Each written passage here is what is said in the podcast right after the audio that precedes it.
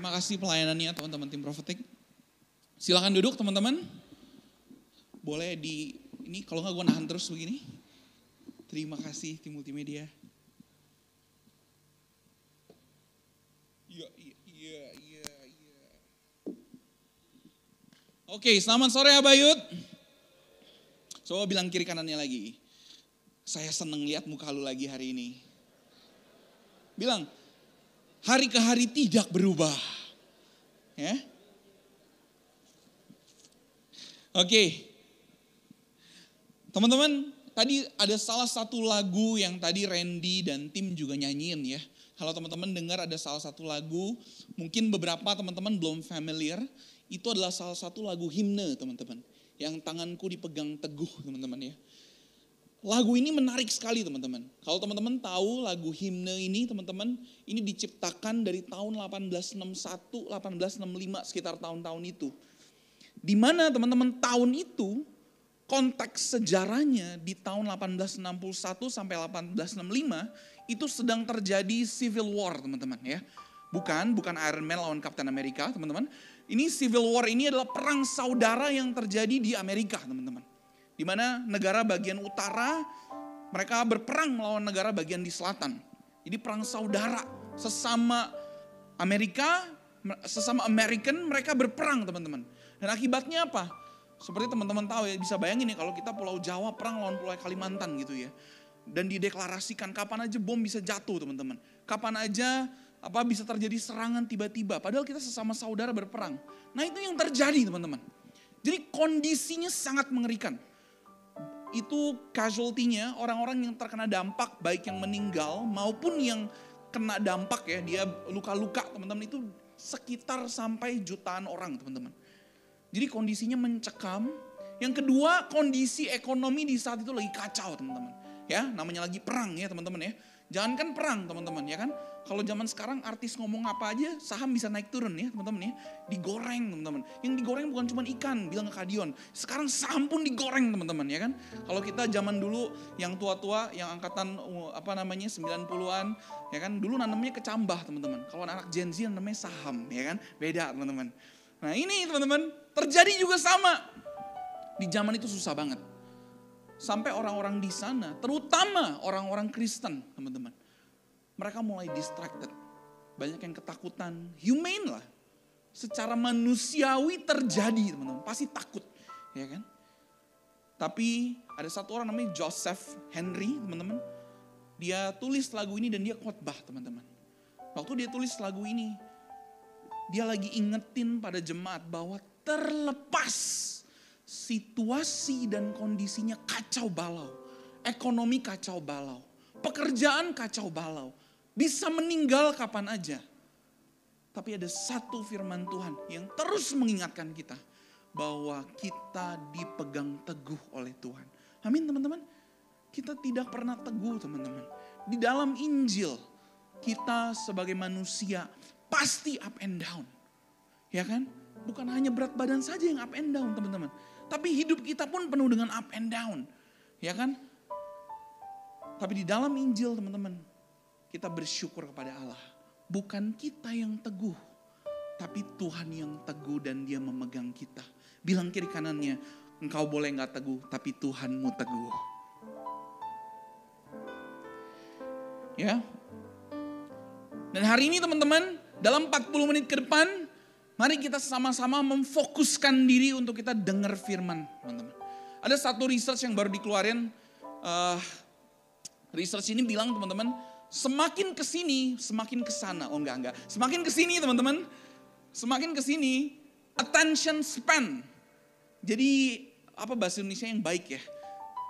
Kemampuan kita untuk fokus itu semakin kecil Tadinya di tahun 2000-an di survei itu sekitar 8 detik teman-teman. Ya kan, di mana ikan mas teman-teman, goldfish itu, itu sekitar 9 detik. Ya kan, jadi kita lebih parah dibandingkan ikan mas teman-teman ya kan. Nah, ikan koki, ko, koi, ya kan, kok ikan mas sih. Nah, uh, sekarang teman-teman, tahu researchnya berapa teman-teman? Span attention kita, attention span kita, cuman 2 detik teman-teman. Jadi 2 detik kalau kita bosen, itu pasti hilang. Ya, pasti relate teman-teman. Karena setiap dua detik sekali jari kita either scroll ke atas atau scroll ke kanan. Betul ya teman-teman ya? Ya kan? Bosan scroll, scroll, scroll. Nah ini juga sama teman-teman. Hari ini kita dengar firman hanya 40 menit sama-sama di tempat ini. Kalau Kak Kevin satu setengah jam. Nah 40 menit ini teman-teman. Kita sama-sama berikan fokus yang terbaik. Firman mampu mengubah hidup kita. Tapi tanah hati kita juga menentukan. Jadi dengar baik-baik Jangan fokus sama pembicaranya. Kami pembicara di sini, siapa pun di sini nggak lebih baik dari teman-teman. Dan kami nggak butuh dihargain. Tapi hargai firman Tuhan yang Tuhan mau taruh dalam hidupmu. Amin teman-teman. Ya kalau nggak teman-teman, ya kan apalagi teman-teman yang di belakang ya jangan lupa pegang handphone ini jangan sambil begini teman-teman ya kan wah itu udah gue kira nyatet ya teman-teman ya tapi waktu gue deketin mulai bunyi-bunyinya keluar ya kan first blood ya kan killing spree, savage ya. Gue yakin itu udah bukan nyatet teman-teman ya. Kalau nggak mulai ya kan pasti yang lain. Nah ini teman-teman dalam waktu-waktu ini malah kita fokus sama-sama. Kalau nggak firman ini hanya akan masuk kuping kiri, keluar kuping kanan. Ya teman-teman. Kalau masuk kuping kiri, keluar kuping kanan jadinya apa? Bilang kiri kanannya dengan confident ya kan.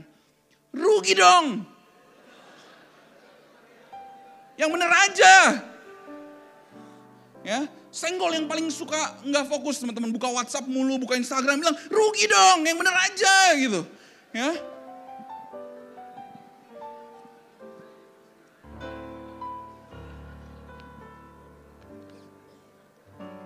Oke, okay, teman-teman, udah cukup senggolannya teman-teman. Nanti berubah jadi senggol dong. Oke, okay, mari kita berdoa sekali lagi teman-teman bersama-sama. Terima kasih Tuhan hari ini kami mengucap syukur kalau kami boleh berjumpa bersama-sama sebagai tubuh Kristus. Sebuah keluarga kami mau mendengar sabdamu Tuhan. Bapa biar hari ini Tuhan bukan hanya pemikiran kami dan pengetahuan kami. Tapi sampai hati kami Tuhan. Kami sadar betul bahwa Engkau adalah gembala yang baik Tuhan bagi setiap kami. Tuhan kami siapkan tanah hati yang terbaik Pakai firmanmu Tuhan hari ini hambamu yang berbicara. Supaya firmanmu boleh berbuah 30, 60 bahkan ratusan kali lipat. Terima kasih Tuhan di dalam nama Yesus. Buat setiap teman-teman yang siap dengar firman Tuhan sama-sama katakan. Amin. Teman-teman mari kita buka sama-sama Yohanes 10 ayat 11 sampai 16. Yohanes 10 ayat 11 sampai 16. Hari ini teman-teman kita akan melanjutkan series of who Jesus is ya teman-teman. Siapa sih Yesus itu? Dan hari ini tema yang kita akan bahas sama-sama, boleh di back dulu.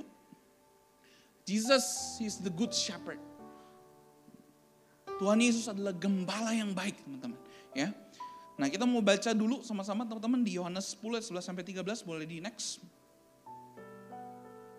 Yohanes 10 ayat 11 sampai 13. Oke. Kita baca sama-sama teman-teman ya, ayat 11 sampai 13. Satu, dua, tiga. Akulah gembala yang baik. Gembala yang baik memberikan nyawanya bagi domba-dombanya. Sedangkan seorang upahan yang bukan gembala dan yang bukan pemilik domba-domba itu sendiri. Ketika melihat serigala datang, meninggalkan domba-domba itu lalu lari. Sehingga serigala itu menerkam dan mencerai beraikan domba-domba itu. Ayat 13. Ia lari karena ia seorang upahan dan tidak memperhatikan domba-domba itu. Teman-teman ini melanjutkan apa yang Kak Kevin khotbahkan teman-teman. Upahan ini teman-teman yang dipakai dalam ilustrasi ini adalah para orang-orang Farisi dan ahli Taurat. Ya. Mereka berkali-kali teman-teman konsisten dari perjanjian lama sampai perjanjian baru Tuhan tegur. Karena mereka mengeksploitasi teman-teman domba-dombanya. Nah sebelum lebih lanjut teman-teman, gembala ini mungkin kita udah kebayang ya teman-teman ya. Gembala ini adalah seseorang yang punya beberapa domba atau banyak domba dan mereka mengembalakan. Nah di zaman itu teman-teman, terutama di Timur Tengah, gembala adalah salah satu common occupations. Salah satu pekerjaan yang umum dijumpai teman-teman.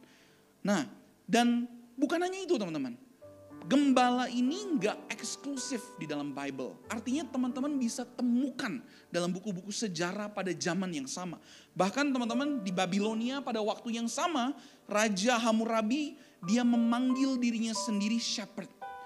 Jadi rajanya bilang saya ini gembala gitu teman-teman. Dan waktu itu di zaman pemerintahannya Yunani, Orang tertingginya juga sama, dibilang mereka adalah shepherd, gembala. Jadi seolah-olah para pemimpin dan orang-orang yang memimpin orang lain itu mereka dipanggil sebagai gembala, teman-teman. Ya, ini ada salah satu yang dibilang, dibilang begini, uh, rulers were described as a demonstrating their legitimacy to rule by their ability to pasture their people. Di zaman itu teman-teman, seorang pemimpin dinilai dari bagaimana dia menggembalakan orang-orang yang dia pimpin. Apakah dia care, apakah dia sungguh-sungguh beri makan, apakah dia sungguh-sungguh mengasihi orang-orangnya. Jadi gembala ini bukan hanya di dalam Alkitab teman-teman. Dan bahkan kalau teman-teman lihat di perjanjian lama, beberapa raja itu aksesorisnya teman-teman ada yang bukan pedang. Tapi dia pakai shepherd's pole. Semacam tongkat gembala teman-teman. Karena itu itu sebuah indikasi bahwa saya adalah pemimpin bagi orang-orang saya. Ya, itu gembala, teman-teman. Jadi gembala ini bukan hanya sekedar mereka punya domba dan kambing, tapi mereka memimpin orang-orang lain. Mereka memimpin dalam konteks itu kerajaan mereka.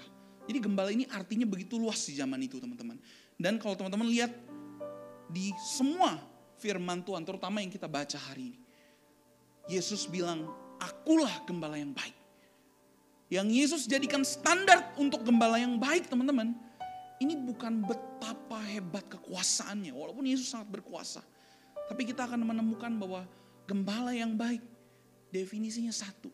Ia memberikan nyawanya bagi domba-dombanya. Dia berikan segalanya, bukan cuman kasih, bukan cuman pemikiran, bukan cuman energi dan daya, tapi sampai hidupnya diberikan teman-teman. Ya, tapi at the same time, boleh dibuka slide-nya? Inilah domba kita teman-teman. Kak Kevin kemarin udah sempat bahas beberapa hal. Terutama di Yesaya 53 teman-teman. Dia bilang begini, kita sekalian sesat seperti domba. Masing-masing mengambil jalannya sendiri teman-teman. Domba ini teman-teman, salah satunya ini gue gara-gara ngomongin domba gitu ya, jadi shipology gitu. Jadi belajar tentang domba teman-teman. Salah satu yang menarik teman-teman, di zaman itu mereka melihat bahwa domba itu bahkan sampai sekarang teman-teman. Domba itu have no sense of direction teman-teman. Ya, kemarin ada kisah lucu di Turki teman-teman ada 1.500 domba, ya kan? Gara-gara ada satu domba dia jatuh ke jurang, 1.500-nya teman-teman ngikut jatuh ke jurang semua ya kan? Tapi yang meninggal cuma 400 karena 400-nya jadi bantalan. 1100-nya masih hidup tapi jatuh ke jurang. Ya kurang lebih tuh kalau jatuh ke jurang gua sama kayak duluan ya kan. Jadi kita yang gemuk di depan, yang belakang ya ya jatuh aja gitu ya teman-teman gitu ya. Nah kurang lebih begitu teman-teman. Jadi mereka nggak punya sense of direction. Ya pernah punya ya teman-teman yang teman-teman teman-teman kita yang udah pakai Google Maps teman-teman tetap nggak bisa baca arah, ya kan? Tetap nyasar ke mana-mana teman-teman ya. Bisa bayangkan ya teman-teman ya. Wiwi yang main drum dicampur di dalam dengan Kevin dan Altea teman-teman. Itu Google Maps-nya ke industri, nyampainya ke Semarang teman-teman. Ya. Ini mereka keren. Kalau kalau nyasar nggak tanggung-tanggung, pakai Google Maps loh. Masuknya bukan salah, masuknya ke jalur lawan arah teman-teman. Ya. Jadi udah sampai luar biasa memang. Ini Kawiwi memang banyak uh, ininya apa Uh, ta talentanya banyak teman-teman ya. Tapi memang kalau baca arah itu agak susah. Baca warna apalagi ya ya. Gitu. Jadi agak susah teman-teman kalau bagian beginian. Tapi teman-teman bisa bayangin ya. Teman kita aja nyasar. Apalagi hidup kita teman-teman. Kita nih sama kayak domba-domba itu. Kita have no sense of direction. Kita sering kali nyasar di kehidupan kita. Kita sesat. Kita mau menentukan jalan hidup kita sendiri. Berapa banyak teman-teman kita di hadapan Tuhan kita begitu sombong, kita bilang Tuhan saya nggak butuh Tuhan. Mungkin kau nggak ngomong langsung, tapi berkali-kali kita tunjukkan dengan kita nggak melibatkan Tuhan, dengan kita nggak sungguh-sungguh mencari Tuhan dan kehendaknya, kita nggak lagi baca firman teman-teman. Itu kita lagi ngomong. Itu sama aja kita ngomong secara tidak langsung Tuhan, saya nggak butuh engkau. Saya tahu jalan yang mau saya tempuh. Saya nggak butuh engkau Tuhan. Di situ titik kita mulai jadi domba. Karena memang nature-nya kita. Secara alami teman-teman, kita adalah domba-domba. Yang memang tanda kutip bodoh teman-teman ya. Tapi kita bersyukur Tuhan kita mengasihi kita. Amin teman-teman. Bukan cuma itu teman-teman. Domba ini teman-teman dari antara semua binatang dia salah satu yang paling defenseless. Ya, ini kalau di statsnya teman-teman defense-nya nol, ya kan? Nggak bisa lari, ya kan? Udah nggak bisa lari, men, udah nggak bisa lari, ya kan? Nggak punya senjata untuk nyerang. Kalau mau taunting, mau wah anjing kan kalau yang kecil-kecil gitu ya sekalipun dia, sorry bukan ngomong kasar, gue lagi kasih lihat. Memang jemaat itu paling kritik teman-teman ya salah ngomong dikit sat gitu kan nggak apa-apa bagus gitu cuman uh, kita balik ke topiknya teman-teman anjing yang kecil aja teman-teman kalau mau diserang masih bisa menggonggong ya kan wiwi yang oh enggak. Anjing yang kecil ini teman-teman masih bisa menggonggong teman-teman. Domba udah nggak bisa. Sekali diserang. Walai salam. Ya kan udah selesai lah hidup gua gitu kan. Ya nggak ada itu bukan lain. Nah teman-teman bisa bayangin ya. Dan bukan cuma defenseless, beberapa kasus, terutama di zaman dulu, ini ada tulisan beberapa ancient yang dia bilang gini, domba-domba ini teman-teman, kalau dia jatuh, karena woolnya kan gede domba itu kan ada woolnya kan ya, ada bulunya. Ini jatuh teman-teman, dia nggak bisa bangun lagi, keberatan teman-teman. Jadi sekali bangun nggak bisa jatuh, eh sekali jatuh nggak bisa bangun teman-teman. Ya. Ini persis waktu perjanjian lama dan perjanjian baru mengatakan kita tuh domba itu exactly kehidupan kita teman-teman. Berapa kali kita nyasar, berapa kali kita lebih mau-maunya sendiri, kita sesat dengan jalan kita sendiri. Berapa kali kita defenseless, kita kena sebuah situasi, kita stres. Stresnya udah bukan kayak apa lagi, kayak orang gak punya Tuhan teman-teman. Ya kan? Itu nature-nya kita. Dan bukan cuma defenseless, kalau jatuh gak bisa bangun, susah berat rasanya Lu gak ngerti yang gue alamin. Hidup gue paling berat mulai. Playing victim. Victim mentalitinya muncul. Saya yang paling berat, saya paling susah. Lu gak ngerti. Tuhan jahat, Tuhan gak adil. Itulah kita teman-teman. Kita memang seperti itu di mata Injil dan kebenarannya teman-teman. Kita begitu vulnerable. Kita begitu lemah dan kita begitu gampang sekali jatuh. Teman-teman, tapi kita bersyukur teman-teman. Jawabannya bukan ada di kita. Tapi sama seperti poinnya boleh dilanjut slide-nya. Jawabannya bukan ada di kita. Karena kita secara nature seperti itu teman-teman. Tapi jawabannya ada di pada Yesus. Tuhan kita yang berinisiatif teman-teman. Dia yang tadi lagunya bilang tanganku dipegang teguh. Bukan tangan kita yang pegang tangan Tuhan secara teguh. Tapi Tuhan memegang tangan kita melalui anaknya yang tunggal. Yesus Kristus dia mati di kayu salib buat kita. Supaya kita teman-teman ketika kita capek, ketika kita sesat lagi, ketika kita bahkan menyerah sama hidup ini, kita bisa tidak putus asa. Karena kita mengingat akan dia yang terlebih dahulu menyerahkan nyawanya buat kita. Amin teman-teman. Bilang kiri kananmu, kita punya Tuhan Yesus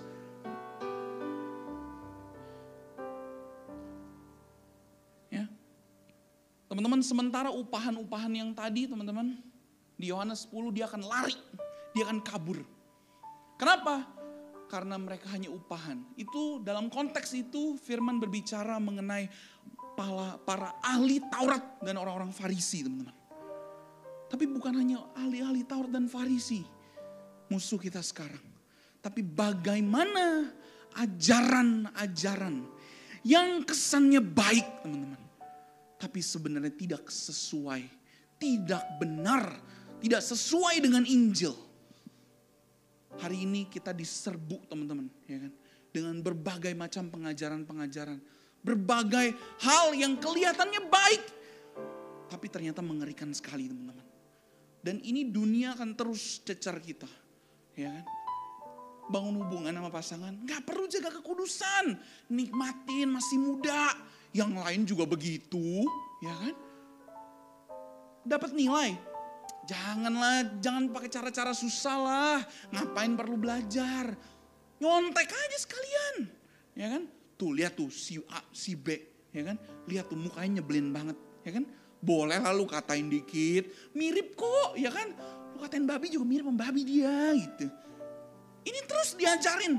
Teman-teman yang udah makin dewasa mulai berpikir, ngapain lu komsel? Ngapain lu baca firman? Emangnya yang pelihara lu Tuhan? Lu butuh duit coy. Kalau rekening lu kosong lu mau beli apa? Temen lihat teman-teman lu. Mereka udah punya ini, punya itu. Lihat keluarga lu. Lu tuh bukan dari keluarga kaya. Lu bukan CEO. Child of owner. Ya kan? Lu bukan. Lu mesti usaha. Kerja keras. Cari duit. Itu tujuan hidup lu. One day lu fire. Financial independent. Retire early. Wah mantap bener. Ya kan? Loh jangan salah. Ini terus masuk ke dalam kehidupan kita. Ya kan? Teman-teman yang udah kerja ya kan Wah, ada kesempatan ya kan. Wow, kalau ngelihat berita koruptor marah-marah ya kan. Tapi ada beri ada waktu dikorupsi ambil ya kan. Semua dikorupsi bisa. Ya kan? Ngapain? Iya iya aja sama bos di belakang ya kan. Tuh kata-katain ya kan. Jangan pernah tegur atasan lu kata-katain aja. Ya kan? Ikut sama teman-teman lu tuh, ya kan? Makanya rata-rata uh, employee itu punya dua grup WhatsApp, teman-teman grup WhatsApp dengan bos, yang kedua grup WhatsApp dengan employee tanpa bos teman-teman ya kan. Supaya bisa ngomongin ya kan. Nah ini juga sama. Kita akan coba dibombardir dengan banyak hal. Yang kesannya baik tapi sebenarnya nggak benar teman-teman. Hati-hati, itu bukan gembala kita. Gembala kita hanya Yesus. Amin teman-teman. Bilang kiri kanannya, hati-hati bos.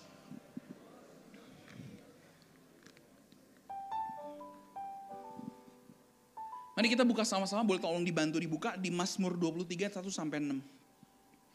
Mazmur 23 ayat 1 sampai 6.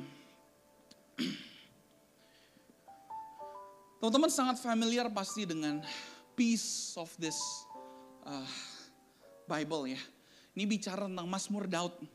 Mazmur 23, sorry ayat 1 sampai 4.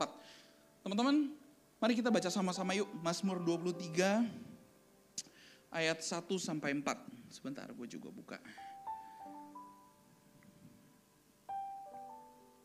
Oke, 1, 2, 3. Mazmur Daud, Tuhan adalah gembalaku, takkan kekurangan aku. Ia membaringkan aku di padang yang berumput hijau. Ia membimbing aku ke air yang tenang. Ia menyegarkan jiwaku. Ia menuntun aku di jalan yang benar oleh karena namanya. Sekalipun aku berjalan dalam lembah kekelaman, aku tidak takut bahaya. Sebab engkau besertaku. Gadamu dan tongkatmu, itulah yang menghibur aku. Teman-teman mungkin udah biasa baca ayat ini ya. Tapi di masa itu teman-teman, dan dalam konteks Tuhan adalah gembala yang baik. Ayat ini sangat dalam sekali artinya buat kita. Waktu Daud ngomong teman-teman, Tuhan adalah gembalaku, takkan kekurangan aku. I shall not want. Artinya adalah Tuhan, Tuhan tuh cukup buat saya. Saya udah gak butuh yang lain lagi.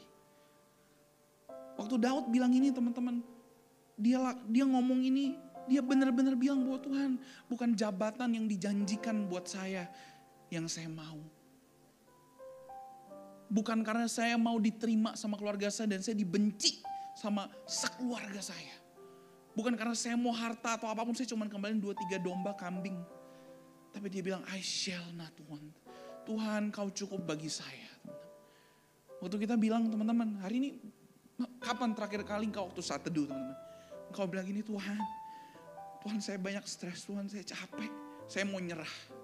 Tapi saya tahu Tuhan cukup buat hidup saya. Amin teman-teman. Karena kita nih secara manusia suka lupa. Kita perlu terus mengingat akan dia teman-teman. Dan bukan cuma itu, dia bilang ini, ia membaringkan aku di padang yang berumput hijau. Teman-teman domba itu, kalau dia situasinya tidak pas, dia nggak akan mau berbaring. Kalau ada laler, dia berasa gatel, dia ketakutan, dia nggak mau berbaring. Jadi waktu dibilang domba berbaring, domba itu tenang sekali. Domba yang berbaring itu rata-rata hanya domba yang dia tahu nggak ada musuh di sekelilingnya, nggak ada laler, nggak ada aneh-aneh, dan dia tahu ada gembalanya. Hatinya begitu tenang, makanya dia bisa berbaring teman-teman. Dan dia menyegar, ia membimbing aku ke air yang tenang. Domba itu teman-teman kalau disuruh minum di air yang deras dia nggak mau minum. Dia hanya mau minum di air yang tenang. Ini menunjukkan betapa Tuhan begitu personal dengan kita dia begitu mengasihi kita. Tapi dia juga bimbing kita ke dalam ketenangan yang hanya didapatkan oleh dia. Sekalipun di sekitar kita badai bergelora. Tapi Tuhan mau berikan ketenangan di hati kita. Hari ini mungkin ada di antara engkau yang kau ngerasa aduh susah kak. Ah, lu gak tahu apa yang gue alamin. Lu gak tahu keluarga gue tuh lagi mau cerai. Lu tuh gak tahu gue tuh hampir gak bisa bayar kuliah. Lu tuh gak tahu persiapin pernikahan nih berantemnya kayak gimana apaan. Ini mikirin keuangan orang tua jadi sandwich generation tuh susah ya. ya. It's validated. Gak salah. Tapi kurang benar. Walaupun hal itu benar teman-teman. Tapi Yesus berikan ketenangan buat kita yang abadi. Sekalipun itu berat. Amin teman-teman. Dan bukan cuma itu, dia bilang begini. Ia menyegarkan jiwaku, ia menuntun aku di jalan yang benar oleh karena namanya. Jadi dia bukan hanya dapat kelegaan. Tapi kita dituntun oleh Tuhan sebagai gembala yang baik teman-teman. Di dalam kebenaran. Dan sekalipun aku berjalan dalam lembah kekelaman. Aku tidak takut bahaya. Sebab engkau besertaku. Gadamu dan tongkatmu. Itulah yang menghibur aku. Betul waktu dibilang ya, kita sebagai orang-orang Kristen kita perlu bertobat. Kita banyak bilang puji Tuhan, Tuhan baik. Waktu kamu bisa lihat nilaimu bagus. Waktu engkau dapat uang, waktu engkau ngelihat hal yang baik terjadi di keluargamu. Gampang ngomong puji Tuhan. Coba ngomong puji Tuhan. Waktu lewat lembah kekelaman. Coba ngomong puji Tuhan. Waktu lu tahu lu gak punya uang tapi lu mesti beri buat keluarga lu. Coba ngomong puji Tuhan, kami bersyukur Tuhan. Waktu lu tahu, lu mesti mengasihi orang yang bahkan orang itu tuh gak layak untuk dikasih. Coba ngomong puji Tuhan, Tuhan baik. Waktu anak komsel, lu diajak komsel susah banget. Padahal lu berikan waktu lu juga sibuk. Coba ngomong bersyukur Tuhan kau baik, kau gembala yang baik. Waktu engkau dapat nilai jelek, padahal kau gak nyontek, teman-temanmu yang nyontek dapat bagus semua itu baru engkau sungguh-sungguh hidupin firman. Karena Daud ngomong sekalipun aku lewat lembah kekelaman Tuhan. Lembah yang the valley of the death. Lembah kematian ini. Tuhan aku gak takut. Yang jadi penghiburan aku Tuhan. Bukan karena situasi dan kondisinya kacau. Bukan. Penghiburan aku adalah karena Tuhan tetap pimpin saya. Saya boleh berada di dalam lembah kekelaman. Teman-teman pelayanan saya salah ngerti saya. Bahkan ngomongin saya di belakang. Boleh. Apa pun hari ini kejadian finansial saya berantakan, boleh Tuhan gak apa-apa. Tapi Tuhan, saya gak takut Tuhan lewatin ini. Karena saya tahu Tuhan bersama-sama dengan saya. Gadamu dan tongkatmu.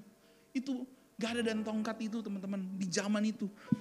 Gembala kan pakai gadanya dia untuk dia jaga dari hewan-hewan buas. Dan tongkatnya dipakai untuk ngejagain dari binatang-binatang kecil berbahaya seperti kala jengking. Begitu kuatnya gembala ini. Sampai dombanya bisa bilang kau gembala yang baik. Amin teman-teman. Hari ini jangan kita perlu bertobat teman-teman. Tuhan gembala yang baik. Baik dalam keadaan yang baik maupun keadaan yang buruk. Amin teman-teman.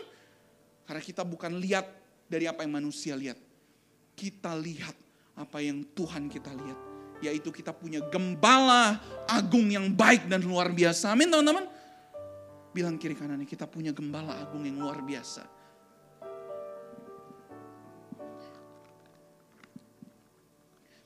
Yang kedua, slide-nya boleh di next.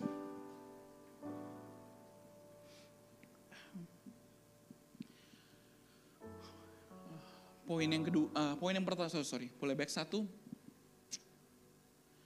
Ya, jadi yang pertama kita belajar teman-teman bahwa di saat dunia memimpin kita kepada kebinasaan melalui dosa, Yesus kembali yang baik memimpin kita kepada kekekalan melalui karyanya.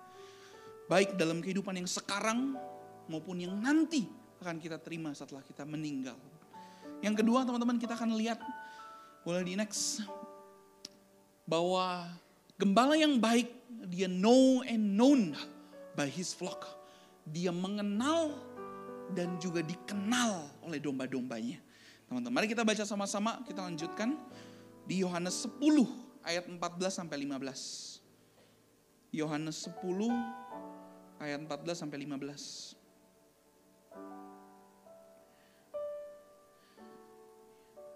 uh, di slide-nya udah ada, boleh dibuka aja. Yohanes 10 ayat 14 sampai 15.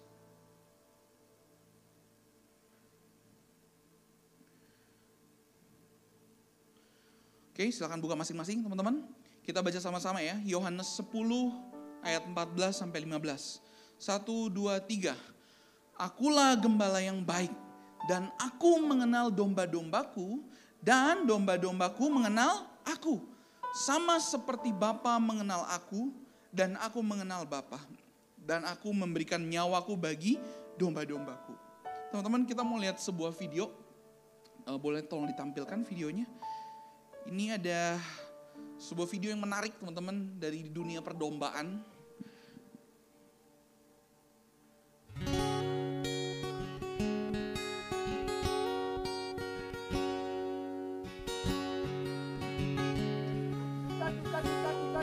Jadi ada kawanan domba. Ini dia coba panggil One more time. domba-dombanya. Ini orang-orang orang-orang ini orang-orang asing.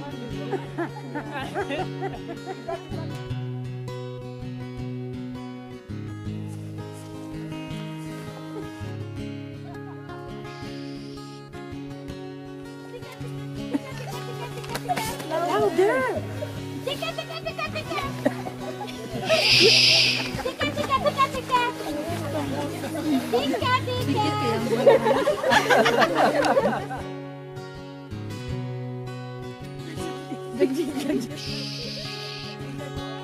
Tika, tika, tika, tika.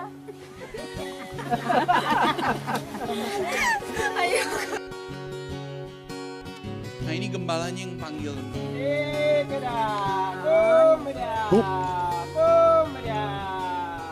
Look at them, look at them.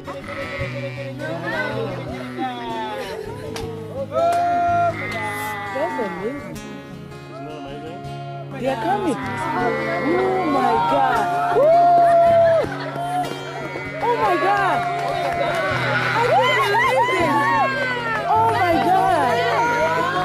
These two white boys. Oh my oh, God. This is amazing. One more. You scared them. Yeah, Eunice made him go away.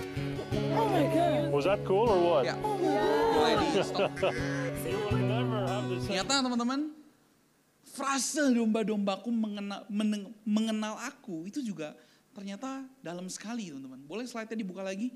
Kalau teman-teman baca di Yohanes 10 di lanjutannya di perikop berikutnya, 26 dan 27, dikatakan seperti ini teman-teman. Tetapi kamu tidak percaya karena kamu tidak termasuk domba-dombaku.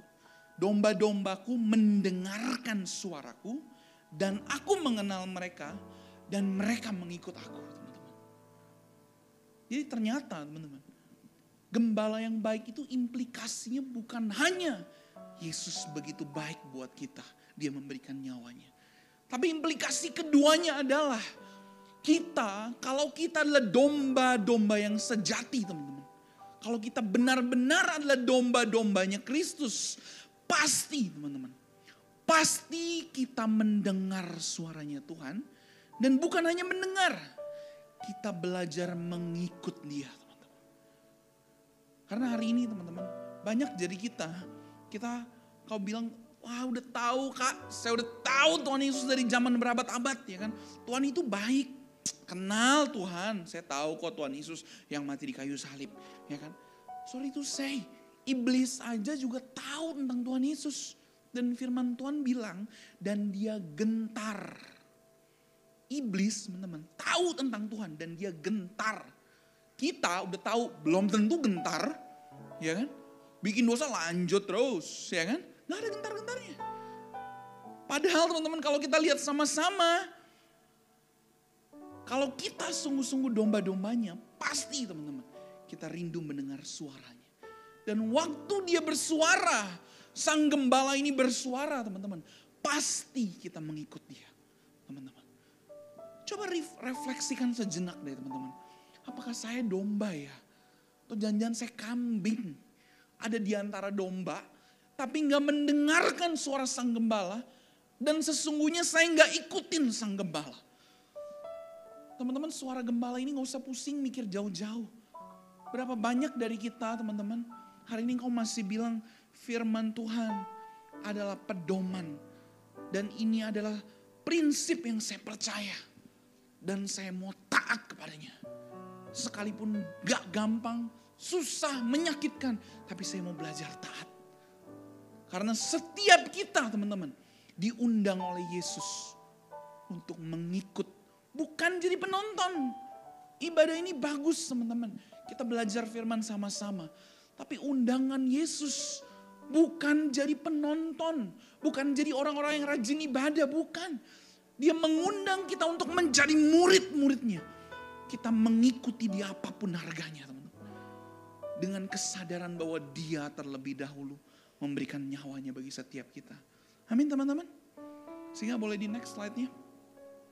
Sehingga kita bisa tahu teman-teman. Bahwa dalam konteks kita adalah domba-dombanya. Domba yang sejati mengenal suara dan mengikuti kehendak sang gembala. Berapa banyak dari kita teman-teman hari-hari ini kita udah bodoh amat lah sama kehendak Tuhan. Udah gak pedulilah sama firman Tuhan. Kalau nggak ngelakuin dosa, saya enak jilat aja. Udah nggak ada kerinduan untuk mengaku dosa, teman-teman. Kita perlu bertobat, teman-teman. Karena kalau engkau domba yang sejati, engkau pasti rindu. Bilang kiri kanannya, domba yang sejati pasti mengikut Yesus.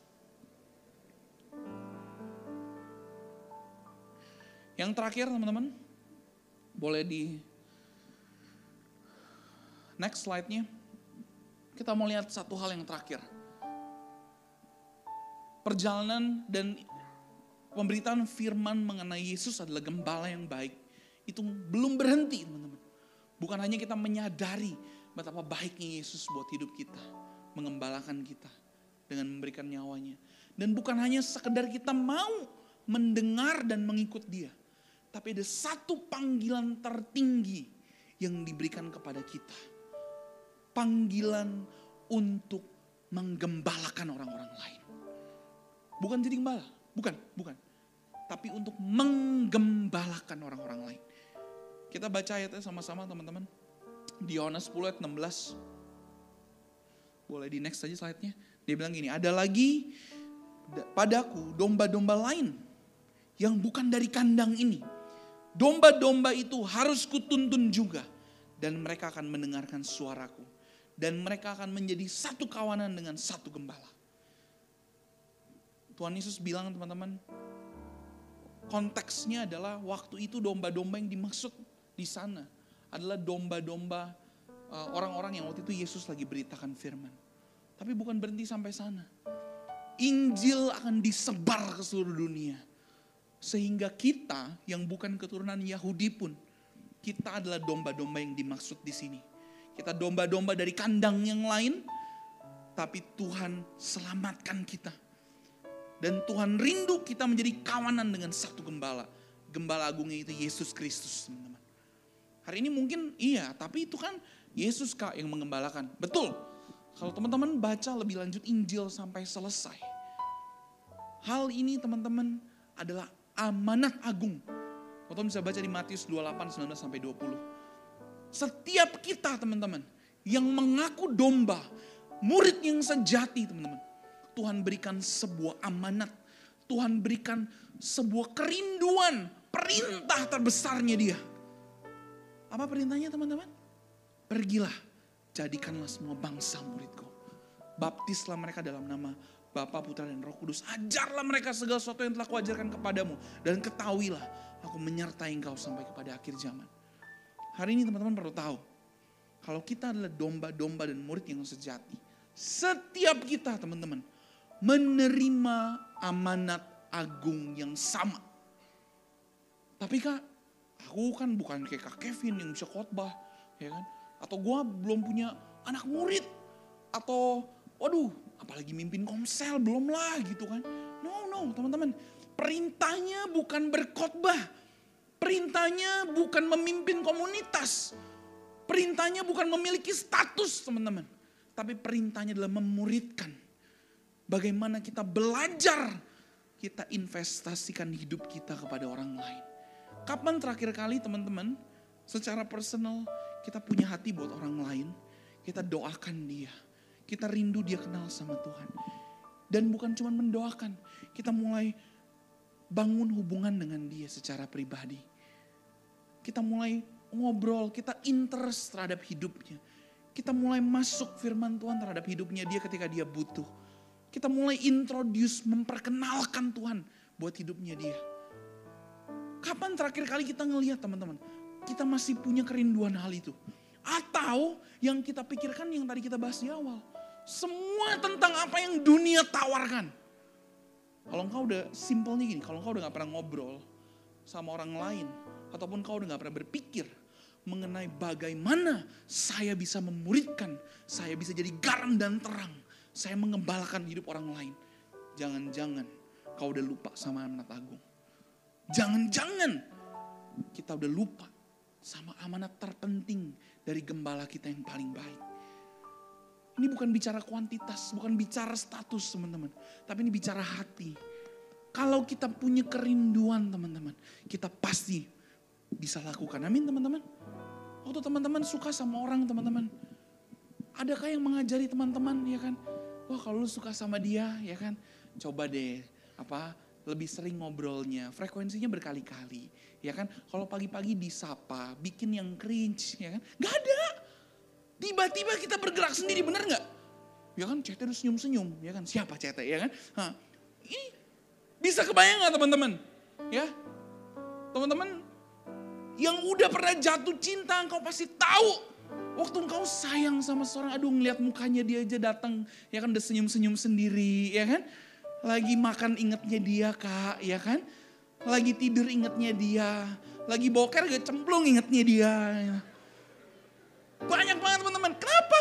Dan teman-teman gak, waduh apalagi teman-temannya kalau ngobrol sama kakak-kakak yang veteran ini teman-teman. Ya kan? Veteran yang udah jago-jago ini teman-teman. Mereka mampu memenangkan tiga hati wanita sekaligus. Ya kan bahaya ya. Nggak, nggak untung udah bertobat digas ya kan nggak nggak ini bukan kampanye teman-teman oke gas gitu kan wah bener-bener dia benar-benar kenapa? Karena dari dalam hatinya penuh dengan kasih teman-teman. Benar nggak? Demikian juga waktu kita mengasihi orang-orang di sekitar kita, menggembalakan orang-orang di sekitar kita teman-teman. Engkau nggak perlu apa namanya, wah jago sana jago sini enggak. Kita perlu mengasihi, kita perlu mendoakan. Kita perlu mulai bangun hubungan mendoakan dia. Ngobrol, bagi hidup teman-teman. As simple as that. Kapan terakhir kali kau masih doakan, kau masih bangun hubungan, ya kan? Kau masih bagi hidupmu, sharing firman apa yang kau dapat, pergumulan yang kau lagi alamin. Oh iya loh, itu bagian daripada kita menggembalakan hidup orang lain. Dan itu panggilan setiap kita. Jadi nggak usah pikir, panggilan saya apakah? Saya mau jadi apa ke depannya, ya kan? Nggak usah pusing teman-teman. Panggilan kita jelas, kita dipanggil menjadi murid Kristus yang memuridkan. Amin teman-teman. Bilang kiri kanannya kita dipanggil untuk amanat agung. Tim profetik boleh maju ke depan. Hari ini kita belajar sama-sama teman-teman kita lihat bahwa Tuhan Yesus adalah gembala yang sangat baik buat kita. Dia gembala yang begitu personal dan memberikan nyawanya bagi kita. Tapi tidak berhenti sampai situ teman-teman. Kita pun yang kedua, kita harus meresponi. Kalau kita gemba, kita domba-domba yang sejati, pasti kita mendengarkan dan mengikut dia. Dan gak hanya itu teman-teman, setiap kita dipanggil untuk hari ini menjadi untuk mengembalakan hidup orang lain. Amin teman-teman. Hari ini teman-teman dari semua hal yang tadi kita bahas, setiap kita masing-masing ada di fase yang berbeda. Ada mungkin dari hari ini teman-teman, engkau lagi berasa stressed out, capek ngadepin hidup, pusing dengan semua tekanan yang ada. It's okay. Tuhan kita gembala yang baik teman-teman. Dia Allah yang mau menyatakan dirinya terhadap engkau. Ada mungkin teman-teman yang berasa kok gue jatuh bangun lagi ya kak. Gue mengasihi Tuhan. Gue tahu Tuhan mengasihi gue tapi kenapa ya gue kok susah sekali untuk bertobat di dalam beberapa hal ini. Kok rasanya susah banget, kok jatuh banget. Kayak gue tuh udah kecewa lihat hidup gue. Atau bahkan ada teman-teman yang berasa, iya ya kok gue udah lama ya. Gak melihat hati gue tuh membara ngelihat orang lain tuh terima Yesus, ngelihat orang lain tuh hidupnya makin bertumbuh dewasa. Kok gue sudah kehilangan rasanya kasih mula-mula ya. Tiap-tiap kita punya isu yang berbeda teman-teman. Tapi hari ini ada satu hal yang sama yang Injil perintahkan kita. Kita tidak akan mampu melewati hal-hal ini. Berat teman-teman. Karena sebagai manusia kita tetap nggak akan bisa. Tapi ada satu hal yang Tuhan minta. Ingatlah akan dia. Ibrani katakan gini teman-teman. Ingatlah akan dia. Yang sudah terlebih dahulu tekun menanggung semua penderitaan. Supaya kita jangan putus asa. Dalam penderitaan kita, kita belum sampai mencucurkan darah. Tapi Yesus, dia berikan nyawanya buat kita. Supaya kita boleh lihat yang memegang teguh kita. Kita bisa teguh bukan karena kita bisa pegang Tuhan dengan teguh. Tapi karena Tuhan pegang kita dengan teguh. Amin teman-teman. Mari kita bangkit berdiri, kita menyanyikan satu lagu ini sama-sama. Sebelum kita perjamuan kudus.